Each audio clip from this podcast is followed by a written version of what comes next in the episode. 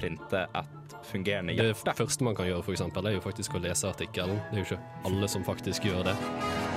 Fordi vi driver med vitenskapsformidling. Det er farligere å ha hudkreft enn D-vitaminmangel. da. Hvordan kan man egentlig gjøre et tak her på Ulstedt vitenskap? Laservåpen. Må si fra, rekk opp hånda. Jeg forsker, og jeg skjønner ikke hva som står. Mer om eh, kildekritikk. Verdensrommet og hva som har skjedd der siden sist. Matte er vanskelig. Og det er jo så å si riktig. Jeg gleder meg til å vitenskape med dere. Science isn't about why, it's about why not. Uillustrert vitenskap er tilbake, og denne gangen er vi live fra Passion for Ocean her i Trondheim. Vi skal ta et dypdykk ned i havet og se på korallrev, sjøgress og mye, mye mer spennende, sammen med ei rekke gjester fra ulike bakgrunner og organisasjoner. Hallo, hallo, hallo, og velkommen til denne utesendingen her med uillustrert vitenskap. Mitt navn er Andreas Haugland, og med meg her i vårt utestudio i dag har jeg Kristine. Hei, hei. Jeg har Martin. Hallo. Og vi har ikke med oss eh, vår fjerde mann i dag, for han er på tur eh, langt borte. Han er med Vitstad. Ja. Dere hører mer fra det senere. Ja, det er helt sant. Nei, eh, i dag skal vi Eller vi er Uillustrert vitenskap fra Studentradioen i Trondheim, og vi skal være her de neste to timene. Snakke litt grann om eh, havet og den slags ting, og ikke minst uh, spille litt grann musikk for dere. Og som nevnt så får vi òg mange gjester. Ja, vi får uh, mye spennende. Mye spennende. Jeg tror det blir bra. jeg. Eh, ja, uh, Første gjesten som skal komme, det er Pia, som har stått her ved siden av oss og dissekrert fisk sammen med Lydia fra Newton. Det lukter vi ganske godt akkurat nå. vi er veldig godt. Teknikerne våre som står der godt og overbemannet borti kroken her, står jo basically inni diskreringsbordet og koser seg. God stemning. Det blir ikke fiskeslo på uh, miksebordet i dag. Nei, ikke. Heldigvis. Nei. Eh, veldig fint. Eh, nei, men jeg tror vi egentlig bare ruller i gang med første låten. Det er masse ting som skjer eh, rundt omkring her på uh, Lille Skansen, på Passion for Ocean. Og det er bare til å komme innom studio og høre på oss når dere skulle lyst til det, eller gå og se på stands for den saks skyld. Vi kjører i gang med første låt, som er Stuff med Slutface. Hvorfor trenger vi egentlig havet? Det er vel for mer enn at vi skal slippe å bære båtene våre. Vi prøver å finne ut av det her på Uillustrert vitenskap på Passion for Ocean. Hallo, vi er tilbake på, eh, med, på Passion for Ocean her med Uillustrert vitenskap. Og jeg lager feedback. Eh, og nå tenkte vi Hva var spørsmålet jeg stilte? Jeg fikk det ikke med meg. Du stilte spørsmålet om uh, hvorfor trenger vi havet, og det obvious svaret er jo hvis ikke så må vi bære båtene.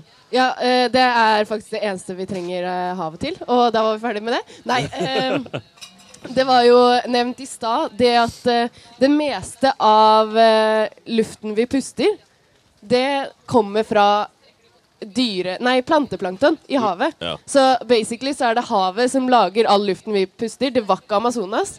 Eh, og heldigvis er det. Eh, det er faktisk havet. Og det visste jeg ikke før i går. Nei, du fant det ut først da? Ja. Jeg er 21 år, og det, visste jeg ikke før i går. Jeg føler at noen har eh, ikke undervist meg om dette. Dette burde jeg kunne. Det, burde, det burde du kunne. Det er kanskje veldig fint at du er her på Passion for Ocean, da, så har du muligheten til å lære litt mer om dette. Ja, Ja. Veldig fint. veldig fint. Veldig glad for det. Og til å lære oss litt mer om dette, så har vi med oss en gjest her eh, i vårt utestudio. Og det er Pia. Ja, hei, hei. Hei sann. Hyggelig at du hadde lyst til å være med oss. Jo, hyggelig at jeg fikk lov til å komme her og skravle til dere òg. Til dere også. Ja, Ja. til oss også. ja, for du har nettopp stått her eh, ved siden av oss og uh, dissekrert dyr i en time.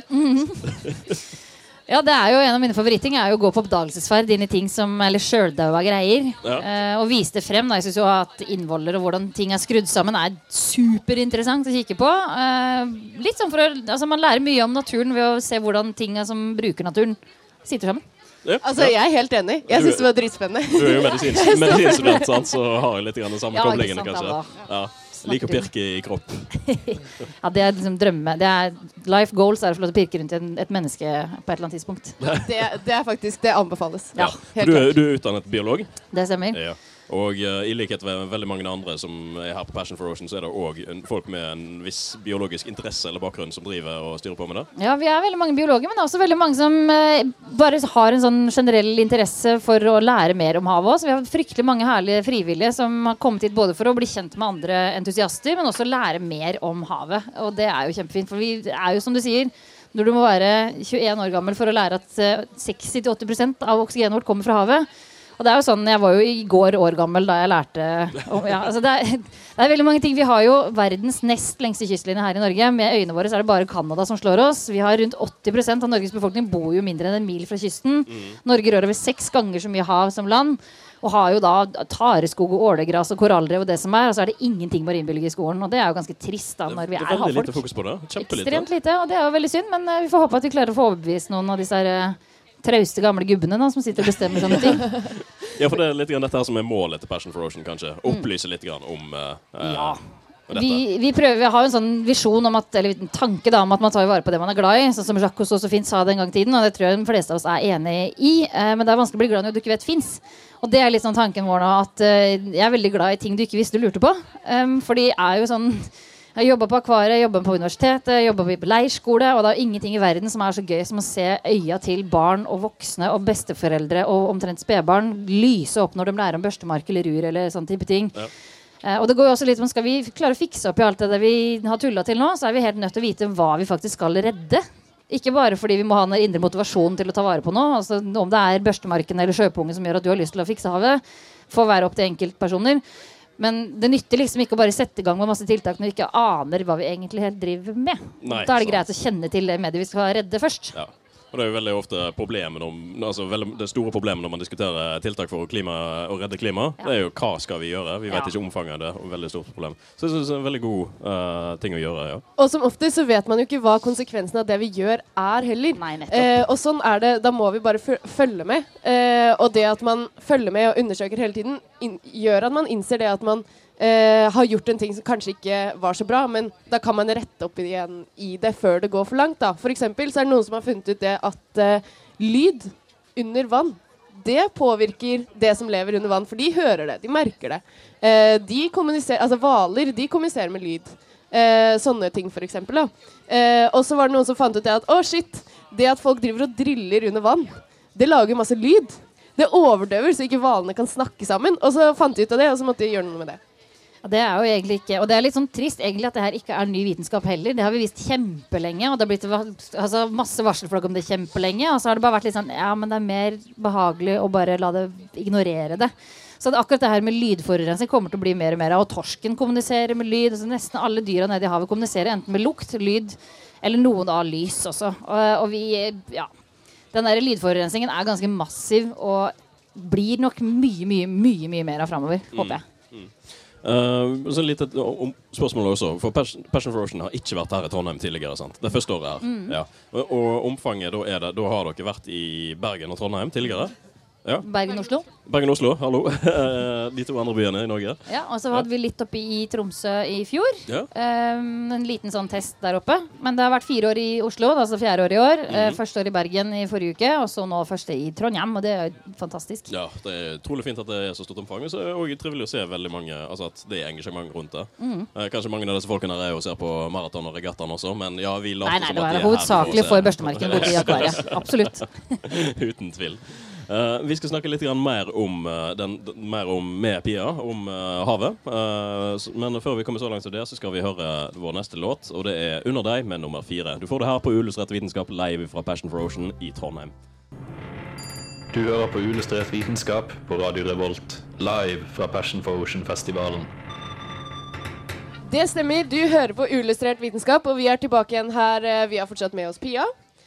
Eh, og nå skal vi eh, Jeg har egentlig et spørsmål å starte med. Og det er sånn Hvor mye vet vi egentlig om livet i havet? Lite. Veldig lite. Det har jeg hørt rykter om. Jeg hørte at det var en sånn eh, 80% Så nesten det meste av havet er egentlig ikke utforsket Og av er- mennesker. og mye mer enn det. Altså, vi vet mye, men relativt hvor stort det er, så vet vi veldig lite. Og det er eh, Vi har grovt sett kartlagt havbunnen til en sånn 1 km eller kvadratkilometer grid-størrelse.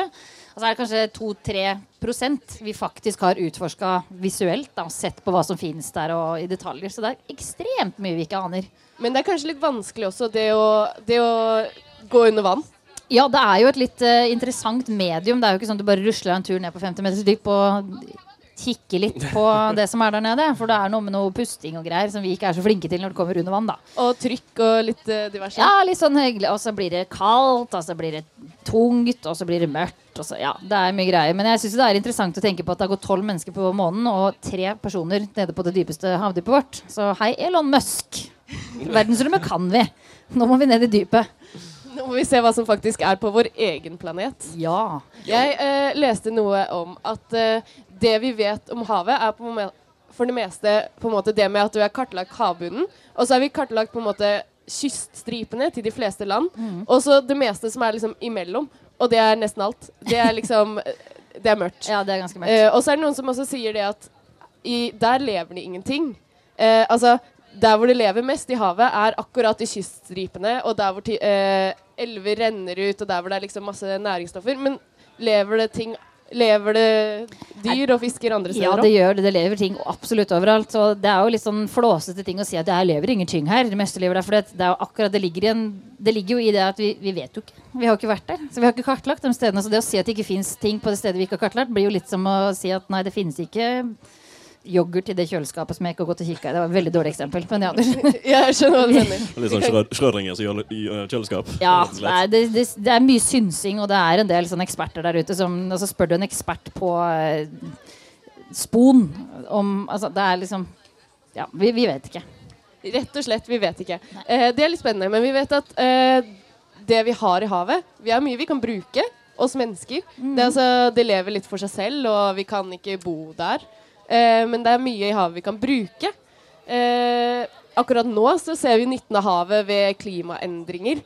Eh, 19 og 19, det gjør jo litt skade òg. Men eh, hadde ikke havet vært der, så hadde vi klimaendringene tatt knekken på oss for veldig veldig lenge siden. Ja, det er jo Havet fungerer som en svær buffer. Altså alle som har hatt litt kjemi, vet hva en buffer er for noe. Den, den fungerer som en sånn der Alle vet hva en buffer er, tror jeg. Eh, så den, jeg tror den er sånn som 90% av overskuddsvarmen vi har fått eh, produsert etter at eh, vi begynte med industrialisering, har jo blitt pumpa ned i havet. Og enorme mengder med karbon blir jo altså, absorberes da i havet hvert år. Og havet har virka litt sånn uendelig, men det er jo en grense for alt der nede også. Så nå begynner det å bli fullt. Og hadde det ikke vært for det, så ville altså, Vi merker jo klimaendringene allerede, da, men vi hadde jo vært jeg tror vi hadde vært utradert for lengst hvis ikke havet hadde vært der og fiksa opp for oss. Det kan vi være veldig takknemlige for. Eh, og oksygen snakket vi om eh, i stad. Ja, men vi kan Eh, snakke mer om det for den seg sjøl. Ja, det er ganske ålreit å puste, da. Det er, det er veldig kjekt å puste, men det er også kjekt å spise. Oksygen, ja. Eh, nei. Eh, fisk, for eksempel. Eh, fisk er kanskje litt eh, undervurdert, det kommer vi tilbake igjen til senere. Men eh, det meste av fisken vi fanger i havet, det spiser vi ikke. Det går eh, bare i søppel, eller? Nei, det brukes til mat, til å dyrke fisk. ja. Det er jo mye sånne ting som blir plukka opp som vi ikke bruker, og det er jo kjempeteit. Det er jo ikke veldig mange tiår siden breiflabb og hummer ble sett på som da ufisk. Altså Man fôra hummerne til eh, slaver og bikkjer, liksom. Altså, Nå er jo det blitt noe av den rikeste, flotteste maten vi har. Og det er enormt med næring i den der sjøen der ute. Det er jo like mye bioproduksjon i havet som det er på land, men vi er jo ikke spesielt flinke til å utnytte det. da Det er jo å gå og pelle skjell, skjell og fjære og spise tang og tare og sånn. Det må vi bare begynne med igjen, for det har vi holdt på med i tusenvis av år. Og så kom jokeren, og da, da var det ikke så spennende å gå og pelle tang likevel. Det gitt. var litt enklere å kjøpe en kneip på Jokeren. Ja, det var visst det. Ja. Ja. Så det er forslag. et tips til fattige studenter gå og spis skjell og tang og tare. Ja, men apropos det, Jeg kjenner veldig mange som har benytta seg av det greiene. Ikke akkurat skjell og tang og tare, men de har kjøpt seg en fiskestang.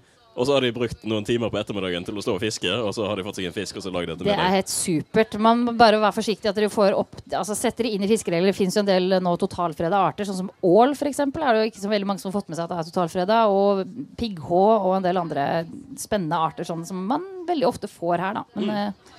det må slippes ut igjen. Ja, ja. Og ting som ikke er spiselig. Jeg får bare fisk som ikke er spiselig. Bare uer og beinfisk og alt sånt. Ja. Uer er jo kjempegodt. Og jeg bare pappa, pappa, kan vi spise denne? Ja, men uer er også litt sånn smålig rødlista, så den kan vi godt slippe ut igjen, da, selv om man har poppa ut øyer når den kommer opp og er litt sånn sliten. Ja, vi går for en klassisk torsk, rett og slett. Men i havet så har vi også mye plass. Eh, veldig mye plass. Eh, det er jo Ganske store deler av jordas overflate er hav. Ja. Eh, og der er det mye ting vi kan gjøre. Eksempel, det er noen som har begynt å satse på det med vindkraft og solkraft i havet. Eh, det med vindkraft og bølgekraft og sånn, det er jo mye på forsøksstadiet. Eh, for det er litt vanskelig å plassere ting ute i havet, for det er så dypt. Men eh, så var det noen som fant ut det at de kunne lage et solkraftverk ut på overflaten av havet med sånn, eh, bare en sånn flåte. Og så legger de masse eh, Det er jo eh, De får jo ikke så mye skygge. Det er litt eh, Altså dette er da en, en flyte, uh, flyteprosjekt Et flyteprosjekt, ja. I hvilke dimensjoner? Eh, Jeg, jeg ser problemer med stort, en gang. Men Du ser jeg ser bare problemer. mange Det store kommer til å bli knust av bølger og alt mulig. Ja, jeg tror, jeg tror det var snakk om i litt roligere vann og litt sånn fjorder og sånn, da. Ja, ok, Så inne i avskjerma områder der ikke du kan få eh, vindbølger eller store rullebølger eller den slags greier. Ja, Så legger man en liten sånn eh, flåte med solcellepanel på, og så brått så har du strøm. Så du flytter vindmølledebatten ut på sjøen? Ja, det er det også noen som har gjort. Plassert eh, vindmøller ute i havet. Eh, og det er det jo også mye kontroversialitet eh, rundt. Men altså, det er en mulighet, da. Det er plass. Eh, det også mange ikke ser på som en ressurs i havet, er jo det at det er mye eh, Altså, du kan bruke det som en fraktvei. Eh, snarveier. Eh, Det tror jeg veldig mange ser på. Jeg må, må si litt uenig der. Altså, mange ser på havet som en god ressurs til eh, transport. Ikke, ikke bare en Det kalles ressurs. vel shipping, det der. Kalles shipping. det er vel sånn at Norge er, Norges, Norge. Norge er faktisk verdens femte største shippingnasjon. Og det er ganske sykt å tenke på. Sammen med Mm. Hellas så rår vi over en fjerdedel av verdens shippingflåte. Og det er jo helt sinnssykt. I hvert fall når vi sitter og tenker at lille Norge kan jo ikke gjøre noen ting. Men det kan vi i aller høyeste grad. Og det er ganske store båter som kjører ut der. Du kan ikke kjøre det på Du kjører kjøre ganske mange turer med fraktfly da, for å komme, få med deg alle de tingene eh, som du får på en sånn svær båt. Ja, Det er egentlig ganske synd at shipping i dag er det mest miljøvennlige frakten vi har, faktisk. Og det er jo litt sånn eh, Ja, rundt 10 000 sånne shippingcontainere faller jo på sjøen hvert eneste år. Og det var jo på godt og vondt. da I 92 så var det en svær container med massevis av sånne små gummiender som velta utafor Japan. Og de flyter fortsatt i land rundt omkring i verden i dag og har lært oss kjempemasse om overflatestrømmer og vindprosesser og systemer. Men det er jo ikke spesielt fett for livet der ute når vi. Overbestiller ting fra wish.com og får masse dritt skippa over her. Altså, ja. 10 000 containere om bord, 200 faller over bord. Det er ikke så farlig. Det er bare dråpe i, i er havet. 10 000 hvert år som faller, faller på Ja, havet. da, da er det jo litt verre når man akkumulerer. Ja. Nei, akkurat det der også. Eh, du nevnte det at eh, shipping er det minst eh, miljø... eller altså det minst Nei, det mest miljøvennlige. Ja, som vi vet om i dag, da. Ja. Men det er jo masse kjip tungolje, og Norge er jo, blir jo ledd av der ute. Fordi vi, det er jo her shipping Eller store tanker på at det kommer for å dø. Ja, sant. For det, for det var det jeg skulle si og Shipping er jo også årsaken til omtrent mesteparten av klimautslippene som finnes. Altså. Det er, er merkelig vanskelig egentlig for hva, hva man kan gjøre der. Jeg, Ja. Men altså det, er, vi, det er en sånn ting som man kanskje ikke tenker så mye på. Men altså olje og gass er jo den aller største verstingen. Men det få egentlig kanskje tenker på, er at uh, moteindustrien er det nest verste når det kommer til utslipp og den slags. Altså produksjonen Mm. og hvor mye vi produserer, hvor mye vi kjøper, hvor mye vi legger fra oss, hvor mye vi bare kaster fra oss, er helt hinsides. Man må egentlig tenke bærekraftig i alle um, tingene vi gjør, rett og slett. Og det, akkurat det med klesproduksjon det snakka vi om på en annen eh, radiosending tidligere i år. Ja. eh, Når vi hadde en utesending med Feelgood-festivalen her i Trondheim. Eh, Så hvis det er noen av lytterne som skulle være nysgjerrig på å høre mer om det, så kan, vi ta, kan dere ta en tur inn på Radio Revolt og finne Ullsatt vitenskap der og sjekke det. Vi skal høre en liten låt til før vi tar um, eh, siste stikket med Pia. Og den neste låten det er Night Ride med Carl Lewis. Du får det her på Illustrert vitenskap live fra Passion for Ocean her i Trondheim. Hvis noen lurte, så var det helt klart at vi var i Trondheim på Passion for Ocean. Tusen takk for den introduksjonen, Andreas. Jo, bare hyggelig. Det er viktig å presisere det. Vi Ja. er også Radio Revolt. På Radio Revolt. Det er uh, det vi er. Hvem? Hæ? Ja. Eh, nei, vi har uh, snakket en del om hva havet har å by på. Men så er det også sånn at vi har Det byr på også noen muligheter. Og det har vi ikke snakket så mye om. Og det har vi lyst til å, å ta opp akkurat nå, fordi at det, det er eh, Det lærte jeg akkurat nå i pausen når Pia fortalte meg det. Eh, at vi har eh, mye muligheter. og muligheter som kanskje ikke mange vet så veldig mye om.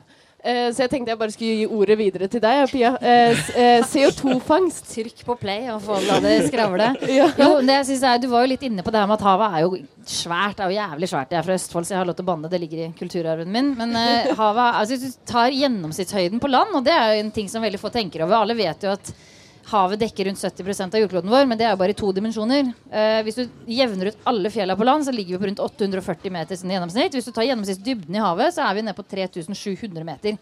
Og det vil da tilsi at rundt sånn 99% av det vi kaller for levende habitat, altså der ting kan bo, det er faktisk i havet. For det er mye lettere å bevege seg opp ned i vannsøylen enn det er opp ned i eh, luftsøylen. Mm. Og det gjør også at man kan begynne å dyrke ting i tre dimensjoner. Her på land så dyrker vi bare bortover i to retninger, men her kan vi også dyrke nedover.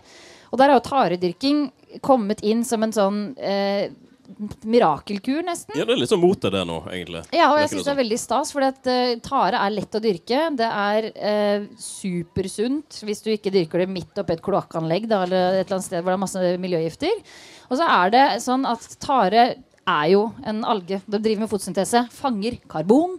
Altså karbondioksid fra både atmosfæren og vannet. Og er det noe vi har uh, problemer med i dag, så er det jo litt for mye karbondioksid. Så her har du en sånn mirakelkur. Du snakka litt om det solcellepanelet i stad. Ja. Det her er jo et levende solcellepanel. Og jeg irriterte meg litt over at vi gnåler så utrolig mye om å fange karbon med teknologi og sette ned reservoarer og sånn. Naturen fant jo på løsninger på klimaforandringen for hva, tre milliarder år siden. Det er fotosyntese. Og jeg leste en plass i forbifarten, her må noen korrigere meg, eh, at hvis vi dekker 9% av havarealet vi har da, med taredyrking, altså systemet for det kan du dyrke ned til 100 meter, Mm. så hadde vi klart å fange opp alt den karbondioksiden vi slipper ut i løpet av et år. Alt. Altså, det er mange tonn. Altså, er hvis mange noen ton. lurte på det, så er det veldig, veldig veldig mye CO2. 53 milliarder tonn. Ja. Det, det bidrar ganske masse til det likevektsystemet som er nå, med fangst og utslipp. ja, og det hadde jo vært sinnssykt. Og hvorfor gjør ikke folk det? Kanskje ikke folk vet det. Money, money, money, money. Ja, sant. Vi- Men hva, altså, hvis vi får opp den driften og litt opp den opplysningen om at tare er mat og sånt, Mhm. kla- klarer vi å ta unna produksjonen av eh, 9% av overflaten opp til 100 meter? Nei, det vet jeg jo ikke. Det, jo litt, altså, det er jo som du nevnte i stad, litt utfordringer midt ute på havet der hvor det er noen bølger og litt vær og sånn som kommer. Men eh, det er jo på en måte lettere altså, Det er jo ikke verdens undergang om et tareblad ryker av og forsvinner. Nei, det kontra det. det med at et helt lakseoppdrettsanlegg rømmer og stiger ut. da Det er større konsekvenser på økosystemet, det. Ja, ikke sant? Og det som er så fint med tare, er at eh, det er en helt naturlig måte å fange karbon på. Jeg hadde faktisk tenkt å skrive masteroppgave om hva som skjer når karbonlagrene, når vi da lager disse store reservoarene med karbondioksid i havbunnen, når de blir gamle og sprekker opp, så vil jo den karbondioksiden begynne å lekke ut i sedimentene, og det er ikke spesielt bra, for det er jo ren gift. Mm. Men ved å da fange det som organisk materiale i form av tare, og så slippe det ned på havets dyp, så bidrar vi egentlig bare til å fòre systemet der nede. Og det er ikke noe sånn langsiktig veldig, veldig, veldig ting. Altså Vi kan ikke dumpe 53 milliarder kilo eller tonn for den saks skyld tare ned i havdypet hvert eneste år. Men det er en fin måte å hvert bremse det litt på. da Ta en sånn eh, mørkegrønn bråbrems akkurat nå, mens vi Mm. klarer å endre holdninger og Og den slags ting. Ja. Men, jo eh, et problem er jo også uh, at hvis havet blir surere, og klarer vi å dyrke nok eh, Eller klarer vi å dyrke tare? Ja, det er det som er så fint, for taren henter jo ut karbondioksid. Altså når du har karbondioksid i vann, så får du karbonsyre. Ja. Uh, og det kan du for så vidt også reversere på en vis grad. Så det man ser i områder med mye taredyrking, er jo faktisk det at havet blir uh, mer basisk. Altså det blir mindre surt. Ja. Så taren hjelper til med å gjøre det mer levelig og mindre surt da for livet rundt. Så det er sånn der milliard win situation. Jeg kan jo ikke se noen Her ser jeg bare løsninger Bare løsninger. ingen problemer. Det er garantert noen små utfordringer der òg, altså. Men de har jeg ikke helt giddet å sette meg inn igjen. Da. Men det ligger et stort potensial der som er uh, verdt seg å notere bak øret, rett og slett. Uh, en annen ting som jeg tenkte på, det med uh, i flere dimensjoner, det var at jeg fant ut at det, i havet så kan man også ha en mulighet som man ikke har ved å dyrke ting på land, er at du kan bruke avfall fra eh, en dyrkningsmetode til å dyrke noe annet. Sånn at du kan dyrke flere ting samtidig som på en måte nytter seg av hverandre. Eh, og det syns jeg var ganske snedig. Eh, det du har, er at du f.eks. kan ha et eh, fiskeoppdrettsanlegg. Og problemet med det er at eh, all denne fisken lager masse avfallsstoffer, og dette havner ut i havet. Eh, og det er kjipt for eh, det meste. Nærmiljøet? ja, det forurenser en god del. Men så viser det seg det at eh, eh, skjell Sånn eh, Blåskjell? Blåskjell, f.eks. De liker å mønstre i seg det. Ja, Ikke Eh, bare det, men de spiser også lakseluslarver, faktisk. Ja, ikke sant? Eh, helt fantastisk. Og, og i tillegg så kan du også eh, dyrke tang ved siden av. Og dette nytter seg også av dette. Så du får på en måte eh, Det er litt vanskelig å få til sånn i starten, men det å ha det som en løsning på lang sikt, eh, det er også i tillegg eh, lønnsomt. Ja, altså det her er jo ganske Og det her er jo heller ikke noe nytt egentlig. Kina har jo holdt på sånn her i 5000 år allerede. Så de har jo gått for lenge siden. Men i Norge så har vi noe som heter Mattilsynet, som er livredd for absolutt alt i hele verden. De tror tang er ny mat, selv om vi har spist det i tusenvis av år, vi òg. Eh, og er livredde for smitte mellom artene. For det er jo ikke sånn at laks og tang lever side om side i naturen. Så det er utrolig skummelt å ha eh, naturlige arter levende ved siden av hverandre i oppdrettssammenheng. Da. Eh, men det, er, det du kaller det multitrofiske oppdrettsanlegg. Det vil si altså Det var et fint ord. Ja, det er veldig flott ord. Trofisk, et trofisk nivå er jo egentlig sånn gress er det laveste, og så kommer de som spiser gress, er det neste trofiske nivå osv. Så, videre. så et multitrofisk oppdrettsanlegg har da flere nivåer i økosystemet. Og det er jo egentlig som du sier, det er jo en kjempefin måte å rense unna sjøl. Altså blåskjella renser vannet, taren tar opp alt mulig rart av ting vi ikke vil ha der. Men foreløpig så er det ikke noe kommersiell drift på det. Så Bellona og Lerøy har jo lekt med det her en god stund og prøver nå å finne økonomiske modeller for å få det til å gå rundt økonomisk. Da. Men eh, det er jo ingen grunn til at ikke alle egentlig skal gjøre det i utgangspunktet. Nei, det virka som en ganske morsom løsning på liksom bare, bare få det til. Og OK, da, du får kanskje litt mer blåskjell og eh, tang og tare enn det som kanskje er brukbart nå til dags. det, som, det som er direkte lønnsomt, i hvert fall. Altså sånn. ja, altså, folk spiser sikkert mer fisk enn det de spiser blåskjell og tang og tare. Det Men eh, det er jo eh, et potensial der, da. Det er sikkert mange som er glad i blåskjell som kunne spist det oftere hvis det var billigere, f.eks. Altså, ja, eh, mange løsninger der. Eh, det, er en del, det jeg leste om det, var at det er en del forsøk eh, på det i Norge i dag. Så kanskje, kanskje fremtiden. Ja, jeg tror altså Det kommer jo til å komme også. Men det de gjør nå, altså, jeg tror ikke det er så mange som vil spise blåskjella som har spist laksebaisen, merkelig nok. Men til, eh, man kan bruke det til fiskefôr igjen, om ikke annet. Så grunnen til at det ikke er at alle gjør det nå, er fordi det er litt mer ressurskrevende. Og litt mindre lønnsomt enn den driften vi har i dag. Og det er jo, ja. det går. Ja, eh, vi er nødt til å runde av dette her eh, Dette gjestebesøket her med Pia. Det har vært eh, veldig interessant og veldig opplysende. må vi si. Likeså. Det eh, setter vi utrolig stor pris på. Vi skal høre en liten, en liten låt til nå snart. Og etter vi har hørt denne låten her, så får vi gjester fra To rom og kjøkken, og da skal vi snakke litt grann mer om mat fra havet. Før den tid så får du 'Samurai When the Summer's Through' av Fie. Du får det her på Ullestrett vitenskap på Radio Revolt. Signing the Paris Agreement is the worst way to celebrate Earth Day. As, a, as an atmospheric gas, it's a plant nutrient. So Obama's talking about all of this with the global warming and that, and a lot of it's a hoax. It's a hoax. Miljø er et sykt viktig tema å ta stilling til. Og det kan du gjøre her, på Uillustrert vitenskap. Hjertelig velkommen tilbake til oss her eh, i vårt utestudio på eh, Skansen, live fra Passion for Ocean. Vi har nå kommet til eh, den delen der vi ikke har Pia med oss lenger som gjest, men vi har med oss to gjester fra To rom og kjøkken. Vi har med oss Eskil og Roar. God dag, god dag. God dag, god dag. Hallo.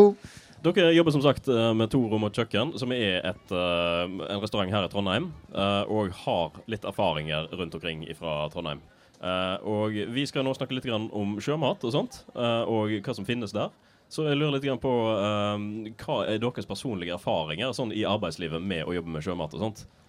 Nei, altså Først og fremst er det insane mye digg eh, sjømat i havet. Eh, alt fra skalldyr til skjell og fisk, selvfølgelig. Men eh, alle de tingene som kommer inn som vi ikke bruker vanligvis i butikkene, og, og, og som restaurantene får inn istedenfor uh, vanlige folk i gata. skal du si. Er det noe annerledes enn den vanlige laksefileten i Ja, den eh, salmanen som du Ja. får innpakka. Den, eh, det finnes så mye mer da, som man kan få inn. F.eks. akkar eller eh, ål eller eh, alt fra skjellene, sånn hjerteskjell, eh, eh, som vi importerer fra andre land, mens vi Mm. har fullt av i havet.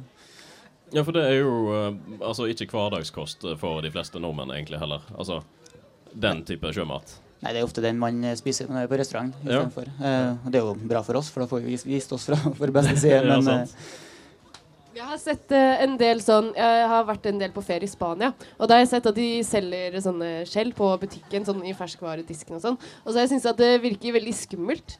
Og plutselig bare skulle kjøpe en pose med skjell og så begynne å tilberede. Er det vanskelig? Eh, ingenting er vanskelig hvis man prøver, men det er vel ikke bare å, å um, forske litt på det sjøl. Alt, alt av skjell er ganske enkelt å tilberede så lenge ikke de er eh, veldig stor og veldig gammel. Da tar det ofte litt tid og litt kunnskap for å få dem til å bli gode og smakfulle. Mens alt av sånne små skjell som hjerteskjell og blåskjell og alle de tingene vi har i, i Norge og rundt omkring i verden, de er utrolig enkle å tilberede så lenge man bare kaster det litt i, inn i nettets verden og, og leser opp litt. Det meste kan læres på internett, det er helt sant. Google is your friend. Sant. Men sånn, uh, Du nevnte litt grann også eh, alder på skjell. og sånn. Er det en viss alder på skjell man vil ha overfor andre? Altså eh, Et dyr så har man jo gjerne Du tar det på en, al- en viss alder pga. mørheten og smaken og sånt. Ja, Men i skjell og sånt, er det det samme? Kjell har jo Ja, det vil jeg tro er en ting. Ikke at jeg har forska så mye på det, men det er vel mer på skalldyr, kanskje. Hvor Ja. de har skjellskifte og, og visse sesonger hvor de er eh, attraktive å, å fange. Eh, mesteparten av skalldyr og, og skjell og fisk er jo best på eh, vinteren. Mens vi spiser alt av reker og, og de tingene der på sommeren. For vi liker å ha det på loff. Så egentlig så er rekesesongen på vinteren? egentlig så er alt av skalldyr best på oh. vinteren. Så vi bruker det helt feil, egentlig. Det er jo faktisk, altså, For reker er jo sommermat. Krabbe er sommermat. Det er jo det man forbinder med det. Det er det man forbinder, det er det man vanligvis spiser. Men eh, alltid eh, vinter og kaldt, eh, kald sjø. Eh, da er det lite aktivitet på havet også, og da ligger det i ro og får, eh, får den gode smaken den skal ha. Ja, akkurat det. Da skal jeg prøve til vinteren. da blir det reker til vinteren òg, ikke bare til sommeren. Det er gøy. Eh, er det noe dere syns er undervurdert sjømat? En, en, en horde av undervurdert sjømat. Har du et eksempel? En favoritt? Knivskjell, en ting som vi ofte ikke bruker. Som er masse av i Norge. Uh, eneste problemet er at de eh, plukker dem, og så må de sende inn til Mattilsynet. Så må de teste hver en, eneste en før vi kan ha det på restauranter. Så det blir ofte veldig dyrt og veldig vanskelig å få tak i. Men det er utrolig godt. Det kan serveres rått, det kan være eh, kokt, stekt.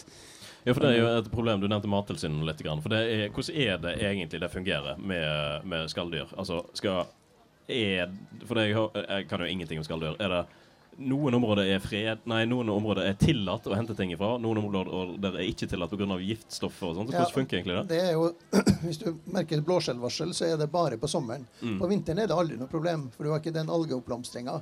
Så, sånn sett så er det også mye sikrere å, å høste blåskjell og andre både eh, hjerteskjell og sandskjell og, og knivskjell på, eh, på vinteren. For da er det, finnes det ikke det, de giftstoffene som kan oppstå i, i, eh, i skaller. Så, Ja. eh, så det, det, men det, det Mattilsynet gjør, er å ta prøver på forskjellige lokasjoner. Eh, og så teste det. Og da sendes det faktisk til Danmark for å teste. Eh, for vi tester ikke på mus i Norge. så, Nei, så det er mye bedre å gjøre det i Danmark. Ja. Eh, og så tar man, gir man da beskjed om at her er det røde soner som du ikke kan høste på. Eh, men det problemet er totalt fraværende på vinteren. Så egentlig, hvis du skal eh, plukke dine egne blåskjell Det har jeg gjort et par ganger. Plukka blåskjell og eh, kokt på svaberget. Det er anbefales. Eh, men eh, Så hvis du skal gjøre det, så er det litt, litt kaldt, men ellers best å gjøre det på eh, vinteren. Skaff deg en Mye tryggere. Ja. Ja. Skaff, skaff en tårdrakt, så går det bra, det uansett. God idé. Ja. Eh, det, det vi snakka om da vi forberedte den sendingen her litt, eh, det var det med maneter. Og det å spise maneter. Har dere erfaring med det? Jeg har aldri, aldri prøvd. Ikke at jeg har sånn kjempelyst heller. Er Nei, det har ikke jeg heller. Men sjøpølse har jeg spist. Ja. Og det spiste jeg i Frankrike, og det var faktisk overraskende godt. Jeg hadde Ja. null trua på det kom til å smake bra. men Det gjorde faktisk det. Hvordan er konsistensen på det? Ja, det, den var jo eh, tilberedt, så jeg tror nok egentlig den er ganske seig og sånne ting. Litt Men som det på en måte? Ja, Ja. Så, men, eh, men det, var, det var mørt og godt. De hadde åpenbart jobba med det her og, og funnet en teknikk på det. Og det er bare én eneste gang i livet jeg har sett det på restaurant, og det var på en restaurant i Sør-Frankrike altså, som hadde sjøpølse på meg. Jeg klarte ikke å la Jeg måtte bare prøve det. Den, nei, det var litt morsomt fordi vi så det med eh, Det var tørka manet. da eh, Og det er jo morsomt fordi manet er jo mest bare vann. Når du tørker det, så ser jeg for meg at du får det samme som du får hvis du tørker en agurk. Eh, men eh, det er visst De spiser det i Asia, da. Så klart. Så klart. Jeg spiser mye rar sjømat. Men det er jo, med maneter er jo at det har mye umami-preg. altså den, eh, den, eh, den veldig sånn konsentrert proteinsmak og, og sjøsmak. da, som, som, eh, Så du bruker, den bruker de ofte i, i, som en tilsetning i andre, annen mat og sånt når det er tørka. Så, så det har jo en, har en funksjon som krydder òg. Kunne man ha erstatta ansjosen med manet, egentlig? da? Altså hvis Du har, du hiver jo gjerne litt ansjos oppi for litt umami. Ja, kanskje, eh, kanskje med mye egg. egg med magnet. Manet på, på brødskiva. Nå så han litt skeptisk ut. Nei, ikke, ikke trua. ikke trua. Nei, eh, men eh, en annen ting er jo så tang og tare. Har dere noe eh, erfaring med det? Ja, absolutt masse. Tang er det som er framtida, sier de jo nå. Eh, det å bruke tang er utrolig mye umami, sånn som han sier magneten her. Eh, Trøffeltang eksempel, er jo en ting vi driver og dyrker i, eller vi har i Norge. Eh, som de eh, plukker overalt der sjøen går inn. Eh, Hitra, Frøya. Og der eh, bare plukk så mye du vil, og så kan du tørke det og bruke det. Og så sier de det smaker trøffel. Ikke at jeg syns det smaker trøffel, men jeg selger dem for 10 000 kroner for en eh, kilo med tørka, mens du kan plukke på en halvtime. Ja, det hørtes ganske dyrt ut, ja. Så hvis man er Brock-student, så Det er jo også et tips. tingen Ja. ja. Inviterer alle vennene sine på trøffeltang. Og Selvfiske og torsk. Fint. Men um, har, vet dere kanskje noe om det? Har man lov til å gå og sanke så mye sjøl? Ja, hva enn du vil. Sjøen er fritt, fritt fram. ja. Ja, det er ingen, det er allemannsretten. Akkurat som å gå og plukke multer eller bær på Mm. sopp i skogen, så har du full rett eh, til å gå ut i, i sjøen. Det fins ingen eiendoms... Altså, det er forsvarsområder og sånne ting, altså militære områder. Ja. Ellers så kan du gå. Men det er jo viktig å plukke eh, både sjømat og tang i områder der du ikke har eh, rett ved siden av f.eks. et forurensa område, eller Ja, også der ja. det har vært industri som kanskje har vært negativt på det. Så det kan jo være greit å tenke seg om hvor man går ut. Så, men hvis du, hvis du tenker deg Hitra Frøya f.eks., eller ut langs kysten, litt ut i havet, så, eh, så er det stort sett veldig rent og fint. Mm. Unntatt all den plastforsøplinga som vi dessverre har. Ja. ja. Altfor mye av. Det er jo en, eh, et problem. Absolutt. Um, altså, to rom og kjøkken. Eh, Satser dere like mye på å bruke sjømat som gjerne f.eks. Credo har gjort Nei, um, jo, Credo i Oslo? Credo Nei, i Trondheim. Jeg tenkte på den uh, Maemo. Maemo, Maemo ja. Ja, altså du kan si at når vi starta uh, Torum og kjøkken i 2005, så solgte vi 10 uh, med fisk eller sjømat. da, Og 90 kjøtt, hvis man kan si det sånn. I dag så er vi over 50% på sjømat. Så det er altså er den viktigste råvaren vi har på menyen i dag. Så det er definitivt Ja. veldig viktig for oss. Ja, det, ja, vær så god. Ja, nei, det er virkelig sånn, fordi eh, ofte når man skal gå og kjøpe seg fancy mat, så er det veldig ofte kjøtt det går i, og så er eh, Jeg tror lurer på kanskje fisken er litt undervurdert. Jeg, jeg tror ikke det i dag. i- Altså, I hvert fall våre gjester, eh, så, eh, så opplever vi at de at, altså, over halvparten velger fisk som, eh, som hovedrett. Så Det er kjempegøy. Så, så det er, og, det, og, og fisk er like dyrt som kjøtt nå. Ja. Altså, det, er en, det, er ingen, eh, det er ingen billig råvare lenger. Så det, det, Kanskje, kanskje også et litt mindre miljøavtrykk enn storfe, f.eks. Ja, det gjør det jo. Altså, sånn, sånn klimamessig så er det Ja. Ser man det? Verden er i endring. Verden er i endring, og fiske er enda mer imot det. Og ikke minst sjøgress og tang eh, kommer til å være mer imot det. Så vi, eh, vi må takke for at dere tok dere tida til å komme her og gjeste. Veldig vi, hyggelig. eh, vi skal snakke litt grann mer om eh, nettopp sjøgress, for vi får gjest fra Diogo, som jobber med Jeg har det her på lappen min. Eh, han jobber med Seaweed Energy Solutions og den slags ting. Så vi gleder oss veldig til å høre han snakke om dette. Men før vi kommer så langt, så skal vi høre litt grann låter. Vi tar en kort musikkpause og begynner med to minutter med Lars Vaular og Røyksopp. Du får det her på Uillustrert vitenskap, live fra Passion for Ocean. Lidenskap for brennmaneter. Lidenskap for sjøgress. Lidenskap for havet. Uillustrert vitenskap live fra Passion for Ocean-festivalen på Radio Revolver. Og det er riktig, og vi er tilbake her på Skansen, live fra Passion for Eh, Det neste segmentet kommer til å bli eh, gjort i engelsk, så jeg håper dere har på dere engelskbuksene. og er klar I for det. engelsk. I, på engelsk. I engelsk. I engelsk, ja. Det er riktig. Uh, so, so we're joined here by Diego. Diogo. You're Diogo. from Diogo, yeah. Uh, not don't don't fall in that trap to say Diego. I've I've said it uh, too many times now. I think. um, you're from Seaweed Energy Solutions, right? Yes. Yeah. And could you elaborate a bit more about what uh, that is and what you do there? Uh, at Sea Energy Solutions, we cultivate uh, seaweed. Yeah. For food mainly. Mainly for food, yeah. Uh, so, uh, is there any other purposes or uses for Yeah. seaweed? There are many other purposes like uh, food, biochemicals, uh, alginate. Yeah, well, Uh, also in biochemicals, so you can use it for fuel as well. Like, yes, Yeah. that was the the beginning of the company. Oh, was uh, that's why we are called Seaweed Energy Solutions. Yeah, So you started Oh. out making energy, and then you realized you could also make it for food. Yes. So It's, now you are you are just uh, gone down the food road. exactly. Yeah. So why is that? Why did you choose food instead of energy? Uh, because uh, they don't pay so much for our for our biomass, Uh.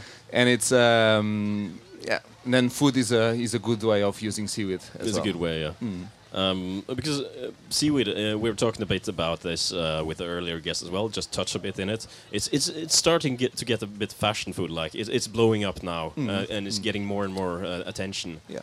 Why do you think that is? But it's also it has been used for a long time for food, several species. The Palmaria palmata is called the sul in origin. It has been used for the by the Vikings for a, a long time. And, th- and then we just stopped eating it. Yeah. w- when we got hamburgers in McDonald's. Probably. Yeah. But also in France, in the north uh, northwest of France, it's uh, wildly. Uh, there is a lot of seaweed being eaten there. Yeah. Okay. As well. Yeah. And also the Asians are big on seaweed. Yeah, of course. Um, of course. They're also big on eating just Yeah. generally everything. Actually, cultivation of kelp is the um, is the the biomass that is most produced in aquaculture uh, these days, Oh. especially in Asia. Okay. So more than fish and more than uh, other marine organisms, seaweeds are the, the most produced. Is it actually that much produced? Yeah. That uh, that surprised me a bit because I haven't I hadn't heard about it that much before. But it's mostly in Asia. Yeah, okay. mostly in Asia, yeah, of course, of course. But uh, we have it here, so why to if we want to to use seaweed in Europe, why to bring from Asia if we have uh, similar species in uh, in Europe? yeah, because the species are similar. Uh, they are not the same, but they are similar. Similar, yeah. Similar enough to eat at least. Yes, yes. So as good as the Asians. So the taste is it different from? Uh, do you, it's like do you grow different species to have different taste in the seaweed? Yes, You we we cultivate sukatara and Yeah. butara at the moment, but then you, it's surprising the amount of flavors you can get from species to species. Oh, that's Yeah. fun. Yeah. Well, I have a question as well. Uh, what is kelp? Is it an organic, like a plant, or like uh, more like an animal? It's more like a plant, but it's not a plant. But uh, some biologists can uh, explain it better. Yeah, okay, we're gonna ask uh, later guests Um, maybe and see yeah. if they know the answer. Yeah. Okay, But, so uh, it's kind of an animal. No, no, no. No. no, It's kind of a plant. Kind, Kind of, of- a. Kind it's of a um, plants have been in in the sea before. Yeah, Yeah, and then uh, that's fun. That's, yeah. mhm. So, so you're you're doing this to make food, of course. Yes. So uh, I have a question as well about the nutritions uh, Hmm. found in the kelp. Hmm. Is it a good source for proteins? Uh, general seaweed is it has a really good amount of um, of minerals, especially iodine. Yeah. it's a good source of iodine, and it's, uh, these days we also have lack of iodine in Europe or in Norway or uh, in the world. So it's a good uh, good source of minerals, and uh, it's also it has a lot of fiber, dietary fiber. So it's uh, it's very good for our gut. And, Yeah. uh, it's a pre- prebiotic. It's good for uh, our flora. Um, and um, yeah, yeah. So you could ca- classify it as healthy. Yes. Yes. Um, you're say- saying, um, yeah, this, this is about iodine. Uh, is is there anything else that we get from it? Uh, can you eat a, a plate of kelp for dinner, or do you need some sides? Yeah, it's like any ingredient that we have in our uh, daily daily alimentation. Is we can't eat just yeah one ingredient, and kelp is just uh, one more ingredient that we can add in our daily daily alimentation. Yeah, yeah, Yeah. okay, yeah. Mm. Um, is is he with um, is it is it big in other parts of Europe, or is it just here in Norway where we're kind of getting bored of the normal food and want to try something new? Is big, especially in Central Europe. Center of Europe, Yeah, where Ger- they don't have any sea. no, in uh, in the Netherlands, of course. Yeah, of course, of And in uh, Germany, Denmark, Yeah. France, Spain. Okay, so- so- so, yeah, and it yeah. goes further down to Spain and uh, into Portugal. There is also cultivation in Portugal, Mm. And uh, yeah. It is actually quite big. Yeah, it is big. I'm surprised. I ha- I haven't heard about it that much actually. But uh, Norway can uh, is probably one of the best places to farm seaweed. Yeah, because there's so many fjords you can uh, cultivate. Not it in a fjord, but more the islands that protect uh, our farms. Yeah. Okay. Yeah. Okay. Yeah. yeah. More calm seas and Yeah. stuff like that. Yeah. Um, how big? How big is Seawood's energy solution in comparison to um, like uh, Norway's production of seaweed? Is is the Seawood Energy Solutions the biggest one? We have been the biggest one, but now uh, we were the pioneers in Europe. Uh, we did a lot of research with Sintef uh, on the protocols of uh, Sukatara. Uh, we were the pioneers, but now, and we were the biggest, but now just some other companies are starting uh, in uh, in Norway.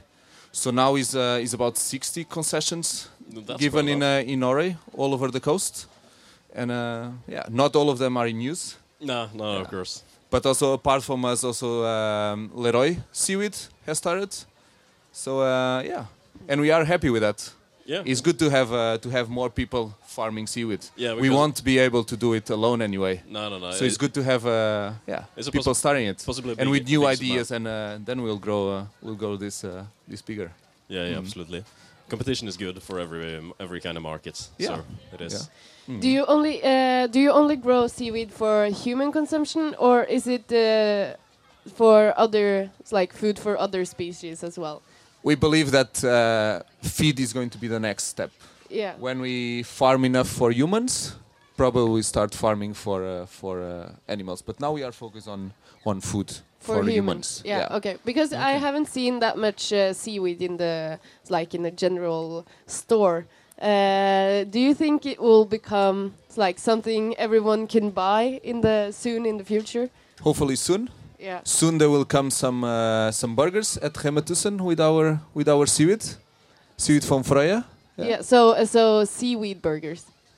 Yeah, with five ten percent of seaweed. Yeah, on it. that's not It's much, going to be a, a vegan burger. Yeah. That will be soon in the supermarkets. Yeah, like vegan and vegetarian solutions are uh, growing as well. So Yeah. that's a. Uh, do you make? Uh, I know that you can make l- this kind of uh, uh, jelly from seaweed. The yeah alginate. Yeah. or, do you make uh, that as well? Uh, no. No. No. No. Because that's that's also something that people don't normally use. Uh, it's like uh, it's uh, difficult to make a cheesecake for vegetarians, uh, for example, because you can't because it's made of the gelatin. Hmm. It's made of uh, animal products. Uh, but I've also heard that you can make it from seaweed. Mm. Now the the sugars from seaweed can they are actually used in many in many products that we use daily, in creams, in um, but also in food products. To get uh, this uh, good texture, this creamy texture, they have seaweed there. Yeah. Just we don't know about it. You don't know about yeah. it. Yeah. And also in uh, in beer, you also use um, uh, a seaweed to make it clear. And Yeah, that's true. Yeah. Irish moss, moss or Irish something. moss. Yeah, yeah, Yeah. correct. Yeah. I, I've used it a lot myself. brewing. oh, that's interesting. Uh, I think we're running out of time for this part, this segment. Um, we're gonna have to thank you, of course, for coming here today. Uh, it's Thank been you for the interesting. invitation. Yeah.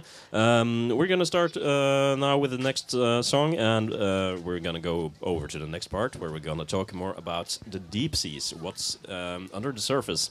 Uh, before that, you can hear uh, the song "Make Me Feel Again" by J00.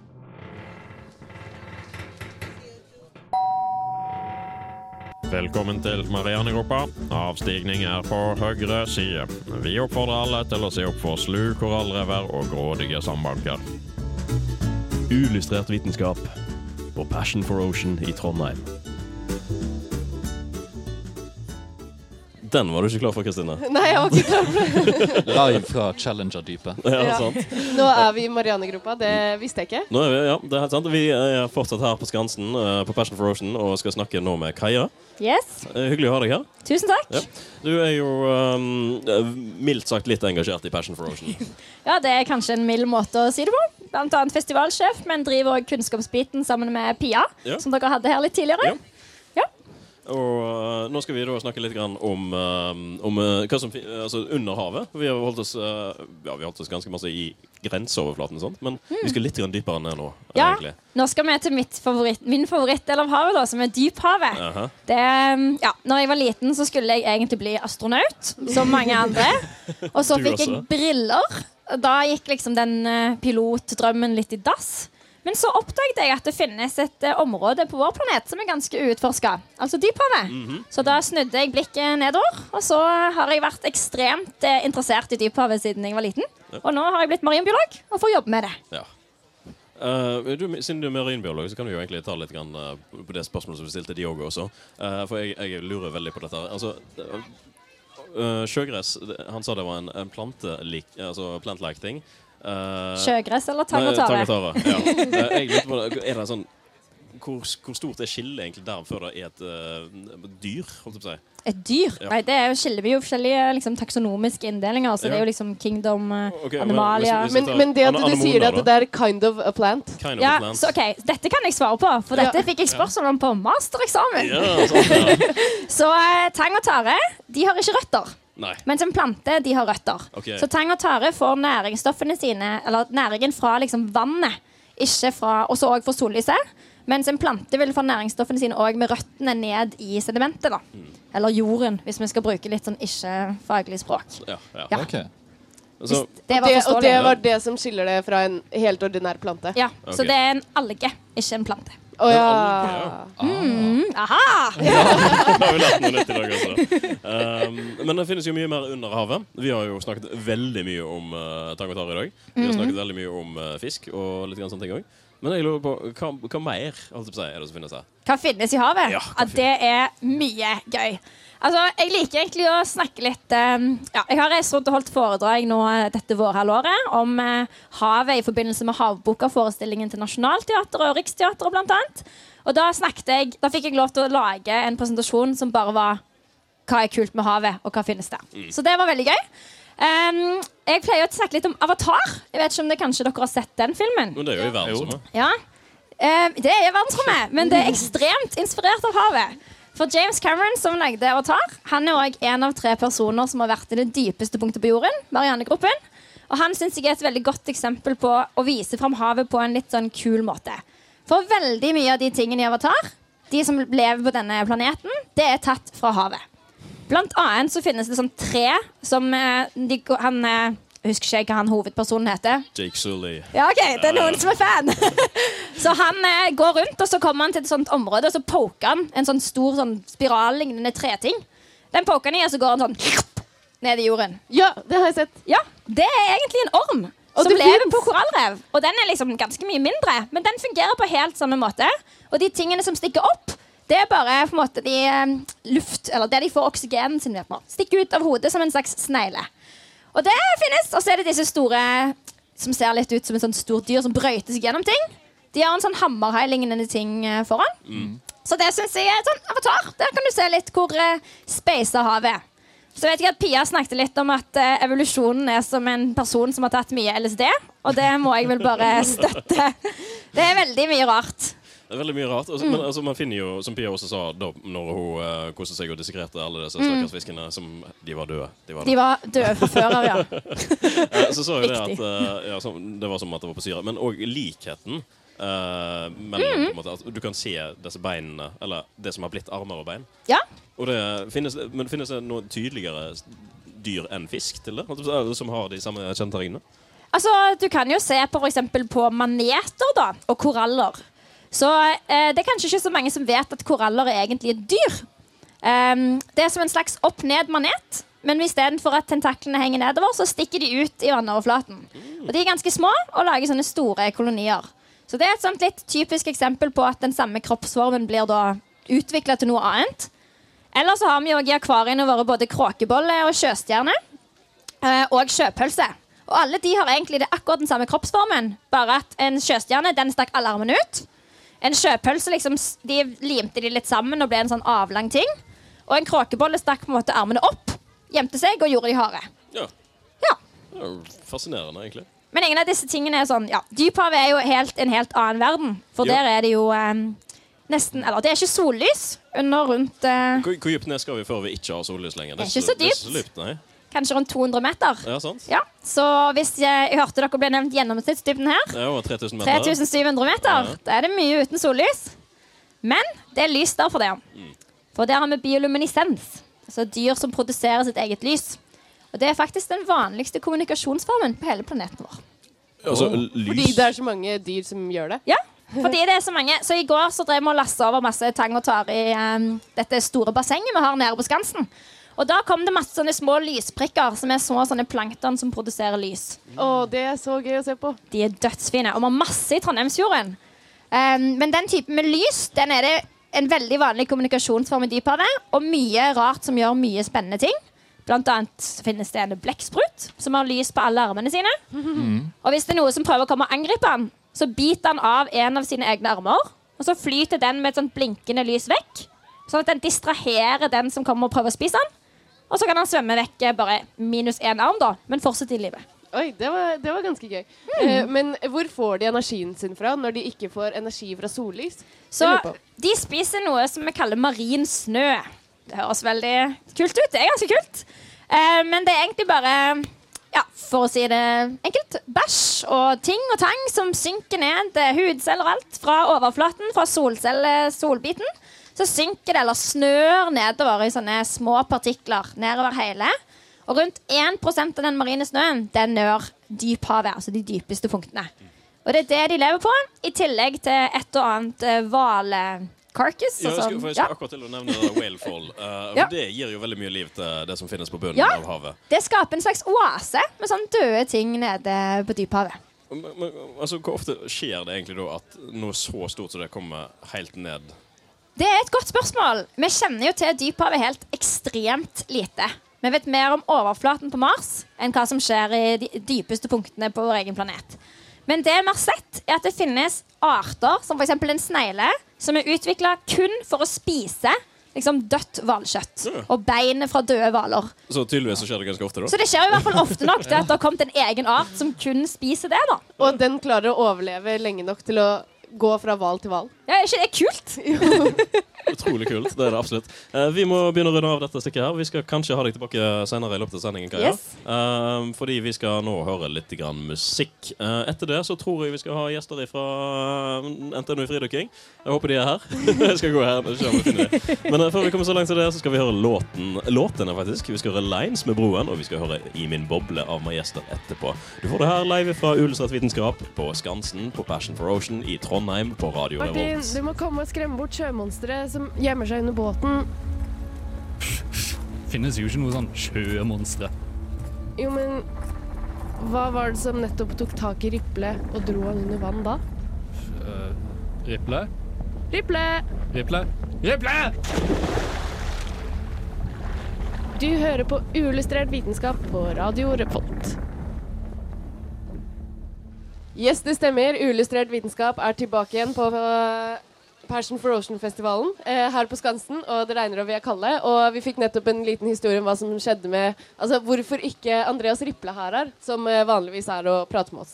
Eh, men vi har med oss eh, to gjester akkurat nå. Dere er fra NTNU i dykking. Og navnet mitt er da Marte. Og jeg heter Ines. Nei, jeg tror ikke det. Ta, ta, ta Martin sin, du. OK, ja. Hei. ja, er Marte og driver med dykking i NTNU i DG. Ines er vel undervannrugby og dykking. Spiller undervannsrugby, ja. Og jeg dykker. Jeg sitter i styret i dykkergruppa. Har sittet der i to år nå. Ja. Eh, la oss bare komme rett i snackset. Hva er det som er gøy med dykking? Åh, det er mye. Vil du begynne? Altså, Først og fremst er jo det en helt annen verden man kan utforske. Det er jo et eventyr. Du, du ser så mye nytt. Men så er det også veldig morsomt det å bare ligge og flyte i vannet, synes jeg. Selv om det ikke er noe å se. Så det er en fantastisk opplevelse. bare... Og det å i disse hektiske dager med mobiler som plinger hit og alt mulig rart og alltid være tilgjengelig, så er det når du er under vann, så er det ingen som får tak i det. Da er du der, og da er det det du gjør. Og det er en veldig deilig følelse. Det er sånn som samfunnet vårt har blitt i dag. En liten pause i en annen verden, rett og slett. Ja, rett og slett. Føler Eh, deg veldig fri. Ja, det høres veldig deilig ut. Eh, eh, dette er sikkert en myte, men eh, eh, det sies kanskje Norge er litt kjedelig når det gjelder ting å se under vann. Helt feil. Helt feil. Jeg mistenkte det. De fleste dykkere som kommer til oss da i dykkergruppa, det er som oftest folk som har vært i utlandet. I Thailand, Indonesia, varmere strøk. Tatt eh, dykkekurs der.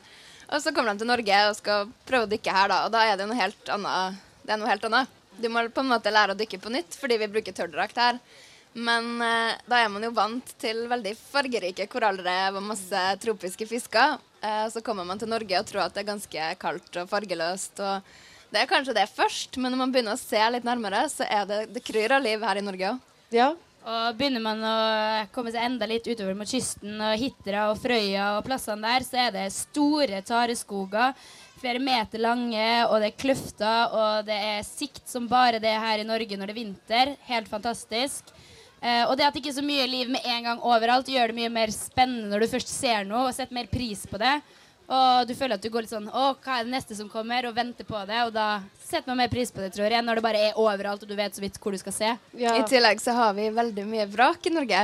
Ja, det har Selv her i Trondheim så har vi rett her borte i Ilsvika så har vi tre fly fra andre verdenskrig. Henkelfly, som er sjøfly. Jeg var dykka der forrige uke. Eh, de ligger ganske dypt, men ett av dem er helt intakt.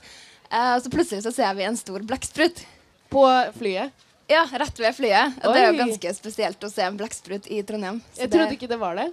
Nei, så det oppstår ganske mye artige situasjoner under vann. Ines hadde en senest i stad når vi var ute og plukka søppel. Du kan jo fortelle hva som skjedde da. Eh, vi var ute nå med dykkergruppa og skulle plukke litt søppel. Eh, for å vise at det er veldig mye søppel under vann. Så vi var borte i Korsvika. Eh, og da var det fullt av dekk, bildekk.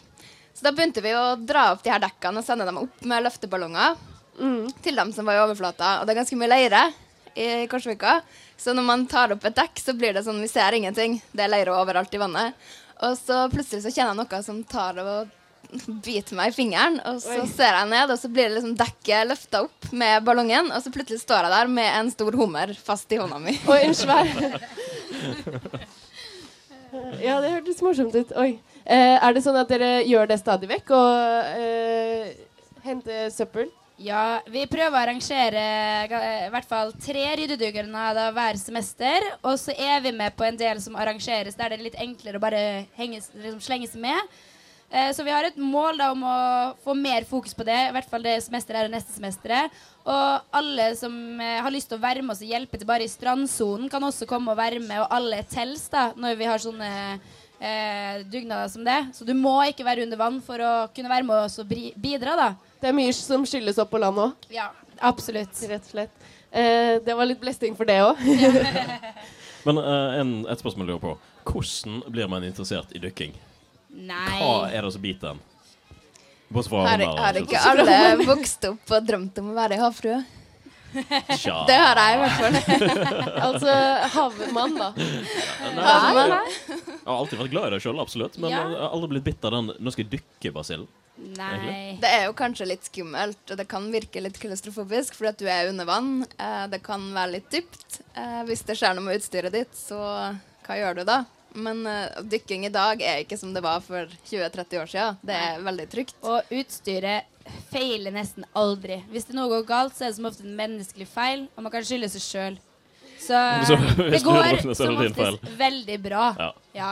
Det gjør jo det. Ja. Men det er vel det en fascinasjon over det her, det som er i dypet. Det ukjente. Eh, Ja. En slags forsker- og utforskningstrang, tror jeg. Sånn Ja, typisk even, eventyrlystne mennesker. Oppsøke det som kanskje er der ingen andre har vært tidligere.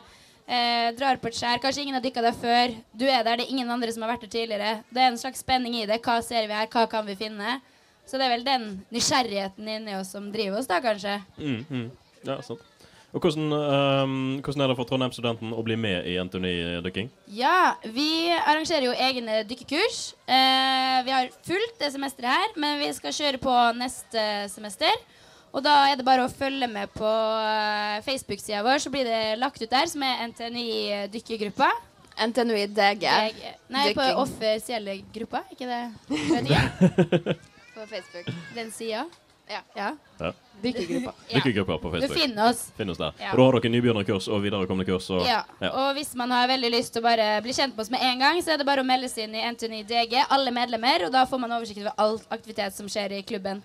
Ja. Morsomt. Eh, har vi tid til et til spørsmål? Eh, Still i vei. Jeg tror jeg har tid. Jeg må lese om jeg har tid, og så kan du stille spørsmål. Eh, ok, eh, Det jeg er nysgjerrig på, det er norske korallrev.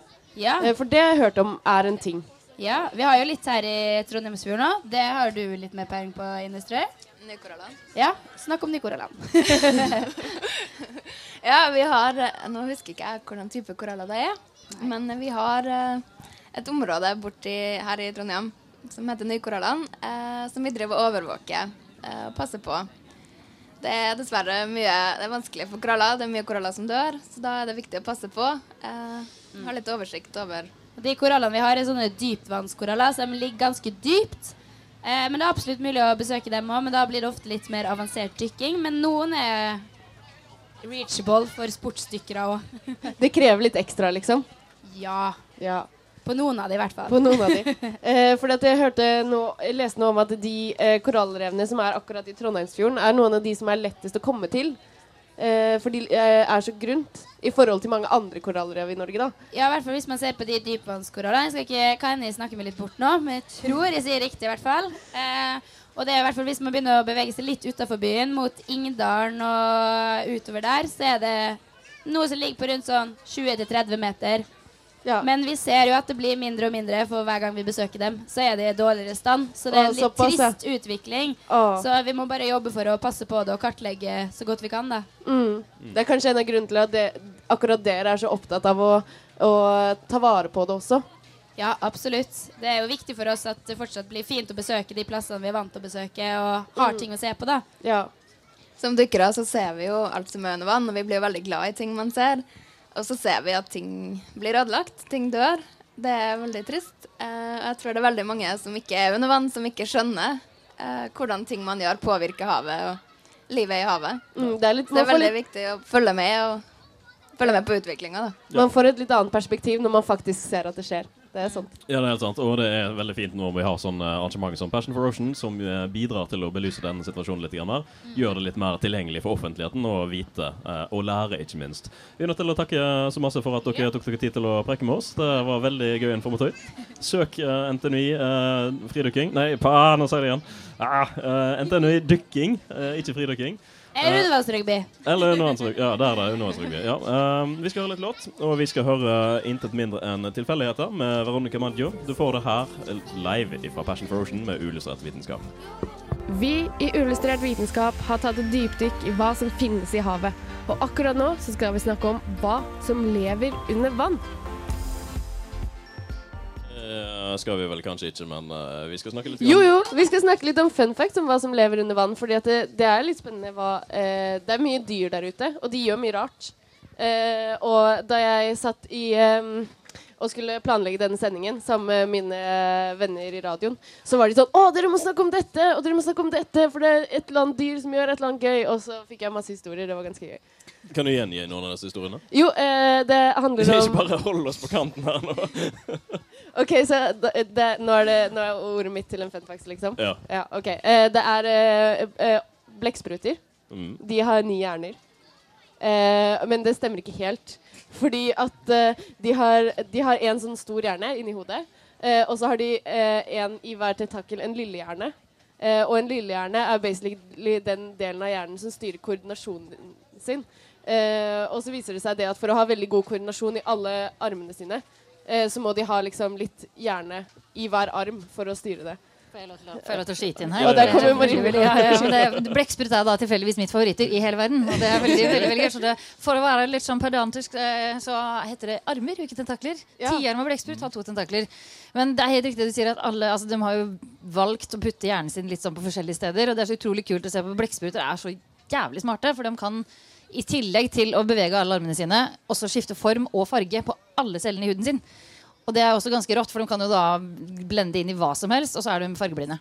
Og så er de fargeblinde. Ja, de er fargeblinde. Og så er det jo litt gøy med Kan jeg fortelle om hvordan blekkspruter har sex? For det syns jeg er veldig stas. Ja, du kan fortelle oss- men, men, men før vi gjør det, så må vi si at ja, vi har med oss Pia tilbake igjen. Ja, ja. det glemte jeg å si. Kjente kanskje igjen stemmer. Oh, eh, jo, det som er gøy med blekksprut, bortsett fra alt, er jo det at Hanne har en egen spesialarm som heter en hektokotilus. Og den eh, bruker han rett og slett som en sånn sædpakke-delivery boy-ting. For det er av og til litt skummelt å eh, være borti andre blekkspruter. Så det han gjør, at han hekter den, den armen oppi mantelkappen til seg selv, da, altså oppi hodet sitt, mer eller mindre. Hente en liten sædpakke og sucker puncher hoa. Så de tar liksom fisting til et helt nytt nivå. Så bare puncher den rett inn enten i kjeften hennes eller opp i da øreproppen, eller liksom hva de skal kalle det. Og sier 'her kommer jeg, og det vil du ikke', på en måte. og så kan hun velge å ta imot den eller ikke. Og da bruker hun gjerne den eh, sæden over lengre tid. Hun kan velge når hun skal bruke det. Og så er det noen hovedblekkspruter som er skikkelig skikkelig sånn eh, Black Widow-aktig. Så dem, hvis ikke du er veldig forsiktig, så kan hun finne på å spise opp hannen. Både før og etter akten.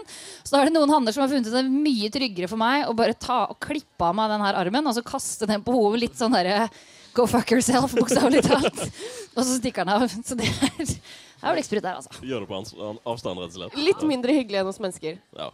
Litt, litt mindre hyggelig. En sånn naturens multitaskere, den gjengen der. Ja, ja, herregud, de er jo helt sinnssyke. Men jeg øh, leste også noe annet morsomt. Er at de kan drømme at det var en eh, kar i Danmark som hadde noen blekkspruter på et museum eller noe sånt, i et vakarie. Eh, og han eh, observerte det at eh, mens eh, blekkspruten hans sov, så skiftet de farge. Eh, og, som liksom, så han tolka det som at de har drømmer, da, og at de sover og at de opplever ting da, i ho eh, hjernen. Tenker. er Så stille, Det visste jeg ikke. Takk. Dette visste jeg ikke at du lurte på heller. Men det, er jo, det forundrer meg ikke. Og det, har sett, eller de har jo testa ut litt forskjellige droger på Vi skilte jo lag med blekkspruten for sånn 600 millioner år siden. Og da var vi bare en liten blobb med to prikker. Så det at vi har utvikla så likt nervesystem parallelt, er jo helt sjukt. Og de har prøvd å gi blekksprut MDMA og sånn, og se hva som skjer. Og de får akkurat samme reaksjon som oss mennesker. De blir veldig sånn glad i hverandre og lykkelige. Og de har liksom, ja, antidepressiva på blekksprut som er litt trist, det fungerer som en kule og sånn. Så det er snodige greier. Så egentlig, eh, så hvis ikke vi menneskene Si det hadde gått dårlig for menneskene et eller annet punkt i evolusjonen, så kunne vi like godt blekkspruter gjort det vi gjør i dag. Jeg tror at Hvis blekkspruter hadde hatt en litt annen reproduksjonsstrategi altså det de har nå, det er veldig snodig, for vanligvis så tenker man på intelligens da, i forbindelse med dyr som har yngelpleie. At de lærer bort kunnskapen videre osv. Men men blekkspruter legger egg, passer på egget til den klekker, og så dør mora. Så han har ikke noen mulighet til å lære videre. Det er veldig veldig rart. Jeg tror det Hvis de hadde bare bestemt seg for å leve litt lenger, så hadde blekkspruter tatt over jorda. Jeg, de er jo så snodige at jeg tror egentlig blekkspruter er sånn der practical joke fra en eller annen alien som har vært innom her og bare sånn Nå skal jeg kødde med dem. Det var han karen som var på syretripp mens han lagde havet. Ja, der var Frank inne igjen, da.